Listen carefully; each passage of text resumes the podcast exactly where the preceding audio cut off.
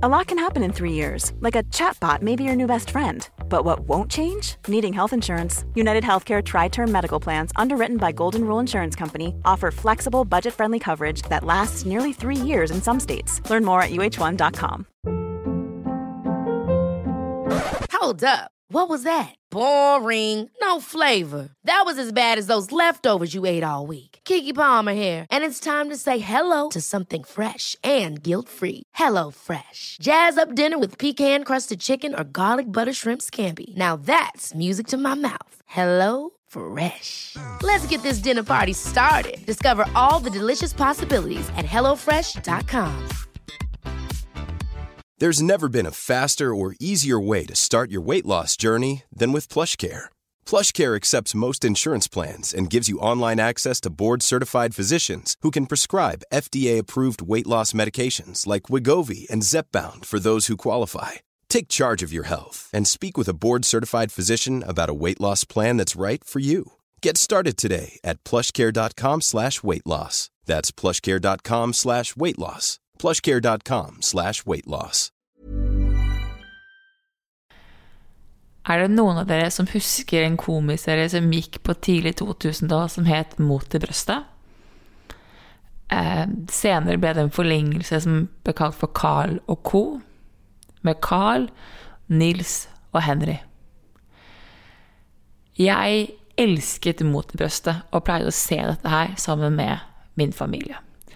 Og ingenting var morsommere enn når moren til Nils kom inn døren. For hun kom alltid inn og sa Joho, det er bare meg.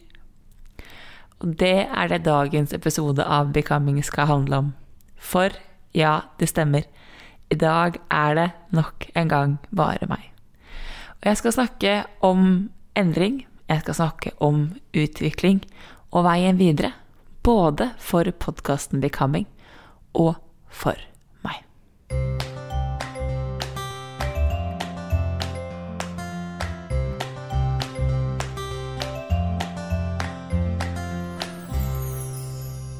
Det er sikkert mange av dere som allerede har skjønt det.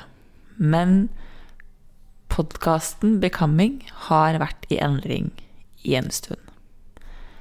Det har kun vært meg bak mikrofonen, og det er det en grunn til. Men vi har ikke delt nyheten før i dag, og det er litt skummelt, syns jeg. Fordi um, nå er det faktisk bare meg. Belinda og jeg har snakket om, egentlig siden i høst, om at podkasten som Belinda så pent sa, føltes mer som din enn min og vår. Dette er liksom litt sånn stedet ditt, hvor du er så god her. Så vi har kommet til en enighet om at det er jeg som kommer til å drive podkasten. Og jeg har gjort det siden etter jul, men tiden har ikke vært inne for å dele nyheten med dere før nå. Det er skummelt å skulle stå på 2B, og for en person som våknet opp i dag tidlig og var fly flintrende forbanna på seg selv, og som hadde lyst til å være alle andre enn den kvinnen hun så i speilet, så er det å skulle stå på to ben og tørre å være meg faktisk ganske skummelt. Og du skulle tro det var klin likt, med tanke på at jeg hadde en podkastepisode alene forrige uke. Men det føles helt annerledes. Det føles sårt, det føles nakent. Fordi som sagt, det er bare meg. Og det å faktisk tørre, da, å gå ut Jeg har jo Ganske ironisk, jeg satt og kjørte en uh, Neurographica-session her i helgen. Og Neurographica er jo en av de metodene som jeg virkelig har blitt frelst av. Jeg kommer til å ha en episode hvor jeg skal ha inn en kvinne som heter Natalia, hun er en av mine um, næreste venner fra New York, blant annet. Som er lærer og måtte utdanne seg som en neurographica-instruktør for å snakke mer om temaet. Men veldig kort fortalt så er neurographica en metode du bruker uh, som en sånn, et verktøy, som en slags selvcoaching via kreativitet. Fantastisk verktøy. Og når jeg sitter og holder på med det her i helgen, så hører jeg en stemme som er fem år gammel, og jeg vet akkurat hvor stemmen kommer fra. Den kommer fra barnehagen på Kolsås. I, på Husken i sandkassen bak det sinnssykt store løvetreet ved gjerdet. Og jeg husker opp til himmelen. Jeg husker jeg, jeg tenkte at altså Jeg husker opp til himmelen. Det var så høyt jeg husket. Og stemmen sier at du vil aldri bli best, Isabel, fordi du vil aldri kunne bli eldst. Jeg er nummer to i en søskenflokk på tre. Jeg har en søster som er 13 måneder eldre enn meg, og en bror som er seks år yngre. Men jeg har aldri akseptert lillesøsterrollen. Jeg har alltid tenkt at det jeg ikke har av år, det kan jeg ta igjen med kraft. Eller fart. Eller sinne. Altså, det er liksom Jeg har alltid tenkt at, jeg kunne kompensere for det ene året jeg da ikke hadde. Og det kunne jeg i veldig mange settinger, fordi jeg ble tidlig høyere enn Alexandra, som søsteren min heter. Og um, Så folk trodde alltid at de enten var tvillinger eller at jeg var eldst. Men det var visse ting jeg ikke kunne gjøre før henne. Som blant annet å begynne på skolen. Og øyeblikket jeg kjenner igjen, øyeblikket jeg husker så godt, er Jeg husker jeg sitter der en høstdag, og nok en gang så fikk ikke jeg lov å være med på skolen. Og det var så kjipt, fordi jeg hadde forsøkt å krangle meg til å bli med på skolen, og jeg fikk ikke lov. For jeg gikk ikke på skolen, jeg skulle jo i barnehagen.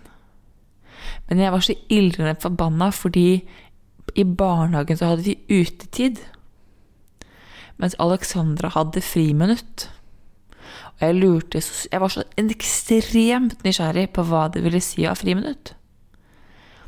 Og jeg husker at etter nok en gang da, å bare utetid i barnehagen, som den dag i dag er klin likt, det er bare to ulike ord, så kjente jeg på at jeg laget en tanke som het at ja, men da kan jeg aldri bli best, for jeg vil aldri bli eldst. Så da den kom opp i helgen, så begynte jeg bare å egentlig hyle. Altså, jeg begynte å, sånn oppriktig le, og så tenkte jeg på Isabel Er dette her grunnen til at du ikke tør å stå på to ben? Er dette her grunnen til at du syns det er veldig komfortabelt å gjemme deg bak andre og, og synes det er skummelt da, å vise seg frem fullt og helt? Og kjente jeg ja, det er det. Jeg syns det er skummelt å være meg. Jeg syns det er skummelt å være fullt og helt hele meg utenfor meg selv. Og det høres kanskje noe veldig rart ut, men og jeg, jeg, opplever faktisk at det er flere som kanskje kan kjenne seg igjen litt i det samme. Fordi jeg er i hvert fall en person som har brukt store deler av livet mitt på å tenke at hadde jeg bare vært som hun, eller hadde jeg bare vært som han, så hadde det vært lettere. Det er som jeg tenker at alle andres utfordringer og følelser og opplevelser er mindre A. smertefulle, B. kaotiske og C. dramatiske som de er hos meg, som om alle andres liv er lettere. Og for noen mennesker tror jeg oppriktig liksom har klart å jobbe seg gjennom ting, og vi har ulike utfordringer på ulike måter. Men det er som jeg har en tanke om at mine utfordringer er tyngst. Og hadde jeg bare vært som alle andre, så hadde livet mitt vært så mye lettere. Og ja, da hadde jeg kanskje ikke hatt de utfordringene jeg har, men det betyr ikke at jeg ikke hadde hatt andre utfordringer som andre mennesker kjenner på. Og,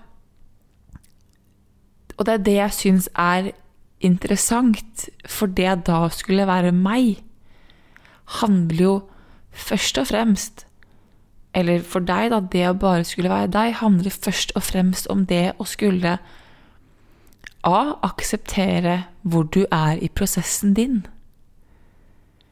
Fordi veldig mange mennesker ser på andre og tenker 'yes, wow', Shit, hun får det til, eller shit, han får det til, eller de har det lettere. Kanskje på det området der har de knukket en kode. Men på andre områder øh, På andre områder i livet så sliter de på ulike måter, på sin måte, med sine sår og med sine blokkeringer.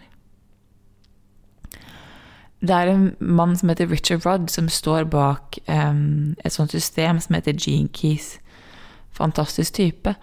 Og han sier, og jeg syns det er så smart, han sier at eh, skyggesiden, og det han kaller oppvåkning, liksom innsikt når du måtte ha lært Det er litt sånn til å mestre en egenskap, da. Er lik for alle. Altså smerte, smerten i skyggesiden, eller smerten i offermentaliteten, er jo klin lik for alle.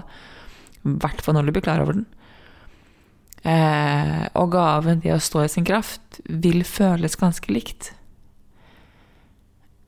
Men veien fra skyggen til oppvåkningen, den er og blir individuell. Du må gå din vei. Du må gå din vei på din måte. Og du kan ikke gå den veien jeg har gått, for vi har ikke samme utfordringer. Vi bærer ikke samme sår. Og på ikke noe som helst måte kan jeg helt forstå hva det er du gjennomgår. Jeg kan gjenkjenne tegnene dine, og jeg kan, jeg kan veile deg på best mulig måte. Jeg kan fortelle deg om de ulike generelle sårene vi går igjennom. Det kan jeg. Jeg kan inspirere. Men jeg kan aldri fullt og helt fortelle deg hvordan din opplevelse er for deg, fordi den alltid vil være individuell. Og det er ganske ironisk, for jeg har jo som sagt en søster som er 13 måneder eldre, og vi så på en måte tette og hatt veldig tette søskenbånd, og fordi man er vokst opp så tett, så skulle man tro at man har mye av de samme opplevelsene fra, opplevelsene fra barndommen. Men hun og jeg har, når vi snakker sammen, to vidt forskjellige opplevelser. Det er nesten som at du kan tenke deg at hun har én film, og jeg har en annen. Fordi vi har to ulike perspektiv. Vi er egentlig veldig forskjellige. Så to ulike perspektiv, to ulike sår, to ulike opplevelser vil gi to ulike veier å gå på livet. Så livet handler egentlig om hva slags relasjon du har fra deg til deg, gjennom de ulike erfaringene, for å virke litt sånn poetisk her. Men er, poet, er det det heter? Poetisk? Nei, det heter ikke det. Det heter eh, åh uh, filosofisk er ordet jeg leter etter. Jeg måtte tenke på um, Aristoteles og Plato. Men, men det er jo det som er clouet. Og det er da å tørre Tør du å gå din vei? Jeg hadde um, en time med en klient i dag, og så snakker vi om, om det å skape og det å, å, bli kjent med sin egen visjon og, og veien videre. Og jeg kom på det jeg leste et intervju med James Cameron, som er regissør. Um, eller direktør. Nei, regissør. Ja, på engelsk heter det director. På norsk kaller jeg han regissør. Anyways Av Avatar-filmene. Og han sa at Avatar kom til han i en drøm for veldig, veldig, veldig mange år siden. Typ tidlig 2000-tallet. Og det som kom til han, var at det kom til han det eh, landet hvor dette treet var. For de av dere som har sett Avatar-filmene, jeg er ikke så kjent med universet, men det var det han fikk opp. Han fikk opp én del av filmen. Og så satt filmen satt så veldig hos han eh, at han begynte å tegne den ut. Tegne ut landskapet, og så begynte han å skape den verden og slik ble historien født. Med andre ord, han fikk aldri hele planen. Han fikk ikke en sånn A, B, C, D, E, F, G. Her kommer 100% garanti på at det her funker. Nei, han måtte ta ett skritt av gangen. For hver gang han fortsatte å utvikle å skape det som kom gjennom ham, jo mer fikk han også opp av sitt eget univers.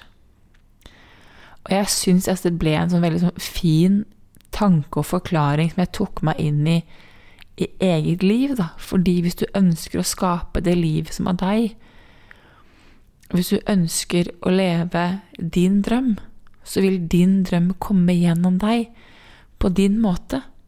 Det som er likt for alle sammen, og akkurat det mener jeg, er at det som er likt, er at du kan skape øyeblikk hvor disse innsiktene eller inspirasjonene eller ideene kan komme, hvor du måtte få kjenne på en form for tilhørighet.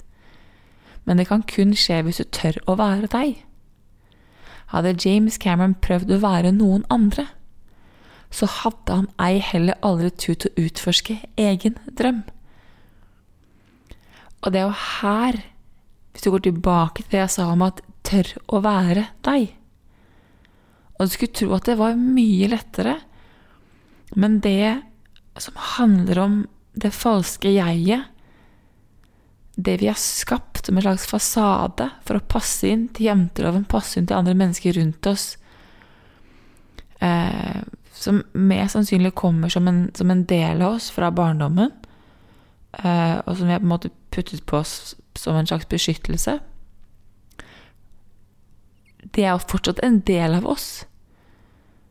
Men det er mye lettere å være de enn å være kjernen av hvem du er. Gir det her mening? Er det bare jeg som babler? Kanskje, jeg vet ikke. Men jeg tror det er ganske viktig å huske på at jo mer du kommer til deg, jo mer vil også livet kunne utfolde seg. Men det å ha den tilliten det å kunne tørre å stå og gå ut i det ukjente og ta eierskap til at nå er dette her meg og mitt, nå er podkasten min. Nå er det jeg som styrer. Nå er det jeg som skaper, det er jeg som er ansvarlig.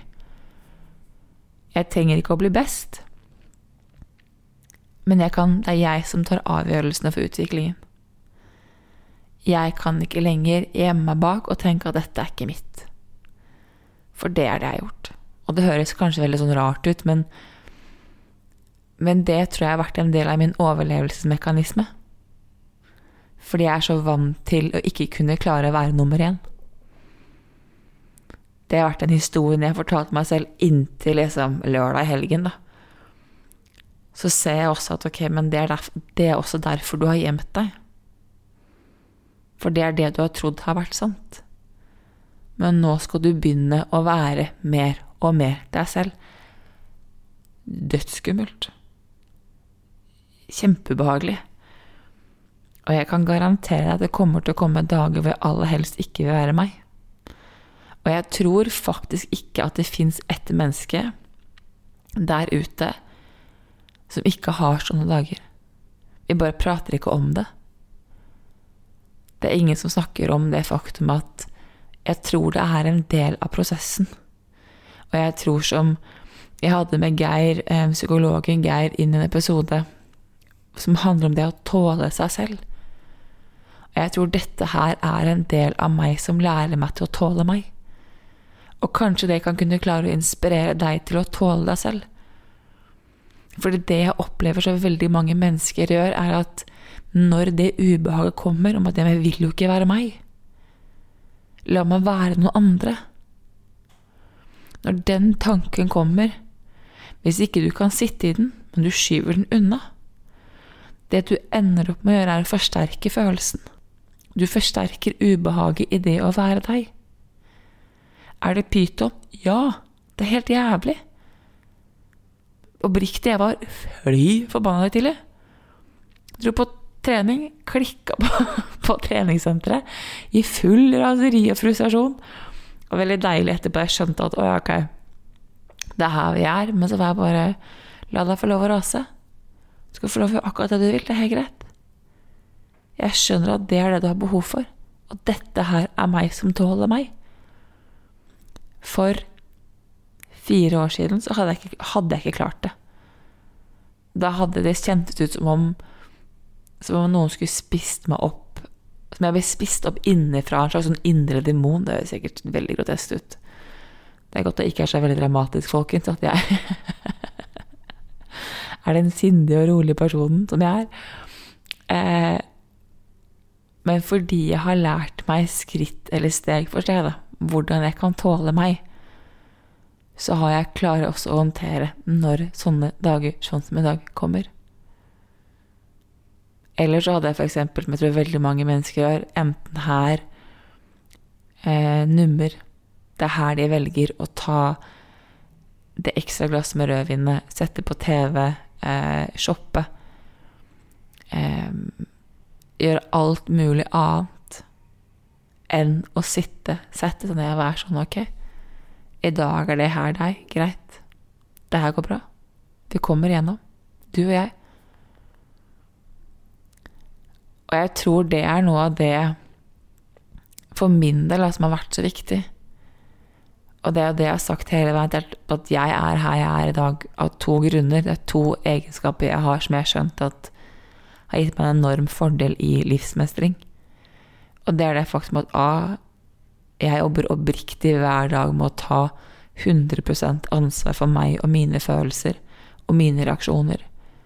Som at jeg jobber så mye med det å skulle kjenne på at det jeg føler på inni meg, er mitt. Ikke alle andre sitt, det er mitt. og Jeg må forstå hva den følelsen forsøker å fortelle meg. Nummer én og nummer to når det er ubehagelig, så må jeg tørre å gå inn i ubehaget. For det er gjennom ubehaget at jeg forstår.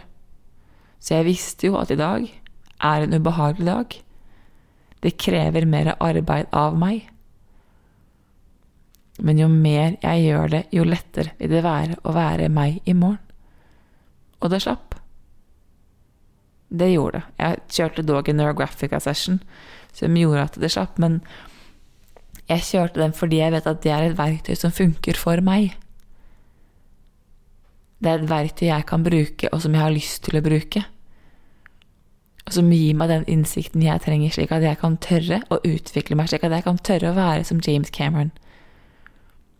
Som kan ta den drømmen og skape den til et større univers. Eller som Victoria Goller, som jeg hadde med meg inn i podkasten, som snakket om det å jobbe seg ut av, av en tilstand hun kalte for comfortable numb. Hvor det er greit nok, ja, men det er fortsatt noe inni hun som roper om noe mer. Eller mor Therese, som snakker om at jo da, jeg kunne alltid liksom drømme om å bli komiker, og jeg hadde en drøm om å ha et show på Latter, for jeg fikk lov å stå liksom, på utsolgte dører og saler, da, men altså Du vet I'm just comfortable now, so let's just stay here. Det er jo det å skulle jobbe mot drømmen sin, det å tørre å skape det universet, da. Å gå fra den ene tanken til å la den bli litt større, det er skummelt. Men det er lettere å se at andre mennesker gjør det, enn det er å tørre å gjøre den jobben selv. Og så ser det jo alltid ut som at ja, men den utfordringen de står i, er ikke den utfordringen jeg står i. Dermed er det mer skummelt, mer ubehagelig for meg. Men for å hente opp da Richard Rudd Ubehag er klin likt for alle sammen. Det kommer bare ulike former og fasonger. Oppvåkningen, gleden om å ha fått det til, er også klin likt for alle sammen. Den følelsen, den tror jeg er gjenkjennbar. Det er den jeg tror vi kjenner igjen når folk får det til den gleden, den derre utrolige entusiasmen og bare lykken og takknemligheten for at jøss, jeg fikk det til. Det er derfor jeg tror vi sitter og, spesielt nå på vinteren, Norge heier jo frem våre vinteratleter. Eh, fordi det er jo ingenting som finnes bedre enn å se norske menn eller kvinner ta gull. Altså, jeg blir jo like rørt hver gang. fordi den gleden er så gjenkjennbar. Men veien fra ubehaget til gleden er og blir individuell. Og det er jo her det er kjipt. Det er her det krever at du er deg. Det er her det krever at du er sånn ok, ja ja. Trine eller Lise. Anne. Eller Anette. Eller hvem andre som lytter. Det var bare fire nå jeg kom på som min mor ville sagt, Hetty, Pretti eller Retti. Eh, det er de navnene hun bruker hver gang hun skal Kom på eksempler. Det er så sykt lol. Ok, anyways. Dere må tørre å være dere. Du må tørre å være deg. Og det er Jeg tror det aldri vil slutte å være ubehagelig. Og jeg tror hvis det slutter å være ubehagelig, så tror jeg at da har du sluttet å vokse. Du har sluttet å pushe deg ut i det ukjente. Da går du litt på repeat. Og repeat er greit, altså. Altså, hvis ikke du vil, så be my guest. Jeg har ikke tenkt å kaste deg ut til ulvene eller haiene og bare sånn Du skal ha det vondt. For det er en annen form Jeg tror det er en annen form for ubehag. Men jeg tror at hvis livet er en løk, så vil du aldri komme i mål. Du vil alltid kjenne på at et eller annet sted vil du måtte mestre en lignende følelse på nytt igjen.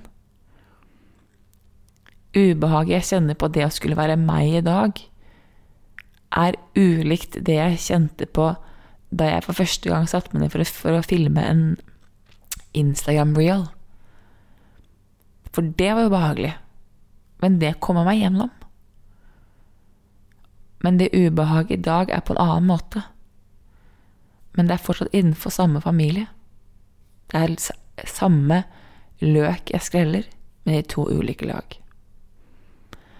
Og så er det jo som at du kan tenke deg at eh, jo nærmere kjernen du kommer, jo dypere ligger jo frykten og smerten nå. Så det er liksom Du blir jo aldri ferdig. Men jeg tror det er fint. Jeg tror det gir oss kontraster og paradokser. Jeg tror det er med på å skape Jeg tror det er det som er med på å skape utvikling, da.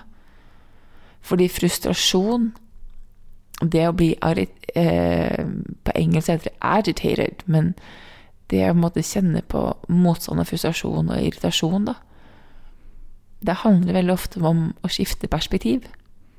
Bli kreativ med det. Bli kreativ med utfordringen. Se det fra på en ny måte. Og du vil kunne klare å, å finne veien din til oppvåkning, men det skjer ikke gjennom noen andre enn deg selv. Om du må tørre å lytte. Så til alle der ute som lytter, til alle der ute som har vært med så langt, og som har lyst til å være med videre Takk. Jeg heier på dere. Jeg heier på at du er deg. Og så kan jeg fortelle at podkasten kommer til å, å, holde seg i min ånd, som handler om at jeg kommer til å snakke om personlig livsmestring i ulike former og formater. Jeg skal ha inn gjester, jeg skal ha inn nye metoder, jeg skal ha inn nye perspektiver, for jeg tenker at jo mer informasjon og jo flere samtaler vi har om livet, om utfordringer vi står i, jo lettere er det for andre mennesker å gjenkjenne seg og finne inspirasjon i sitt eget liv. Og det er ingenting jeg har lyst til enn å se dere der ute leve det livet dere har drømt om. Oppfylle deres drømmer fordi når jeg kan se gleden i deres øyne, så minner dere på så minner dere meg på at glede er glede, og at jeg vil komme igjennom. Så takk for at du lytter. Ha en magisk dag, og så snakkes vi. Ha det!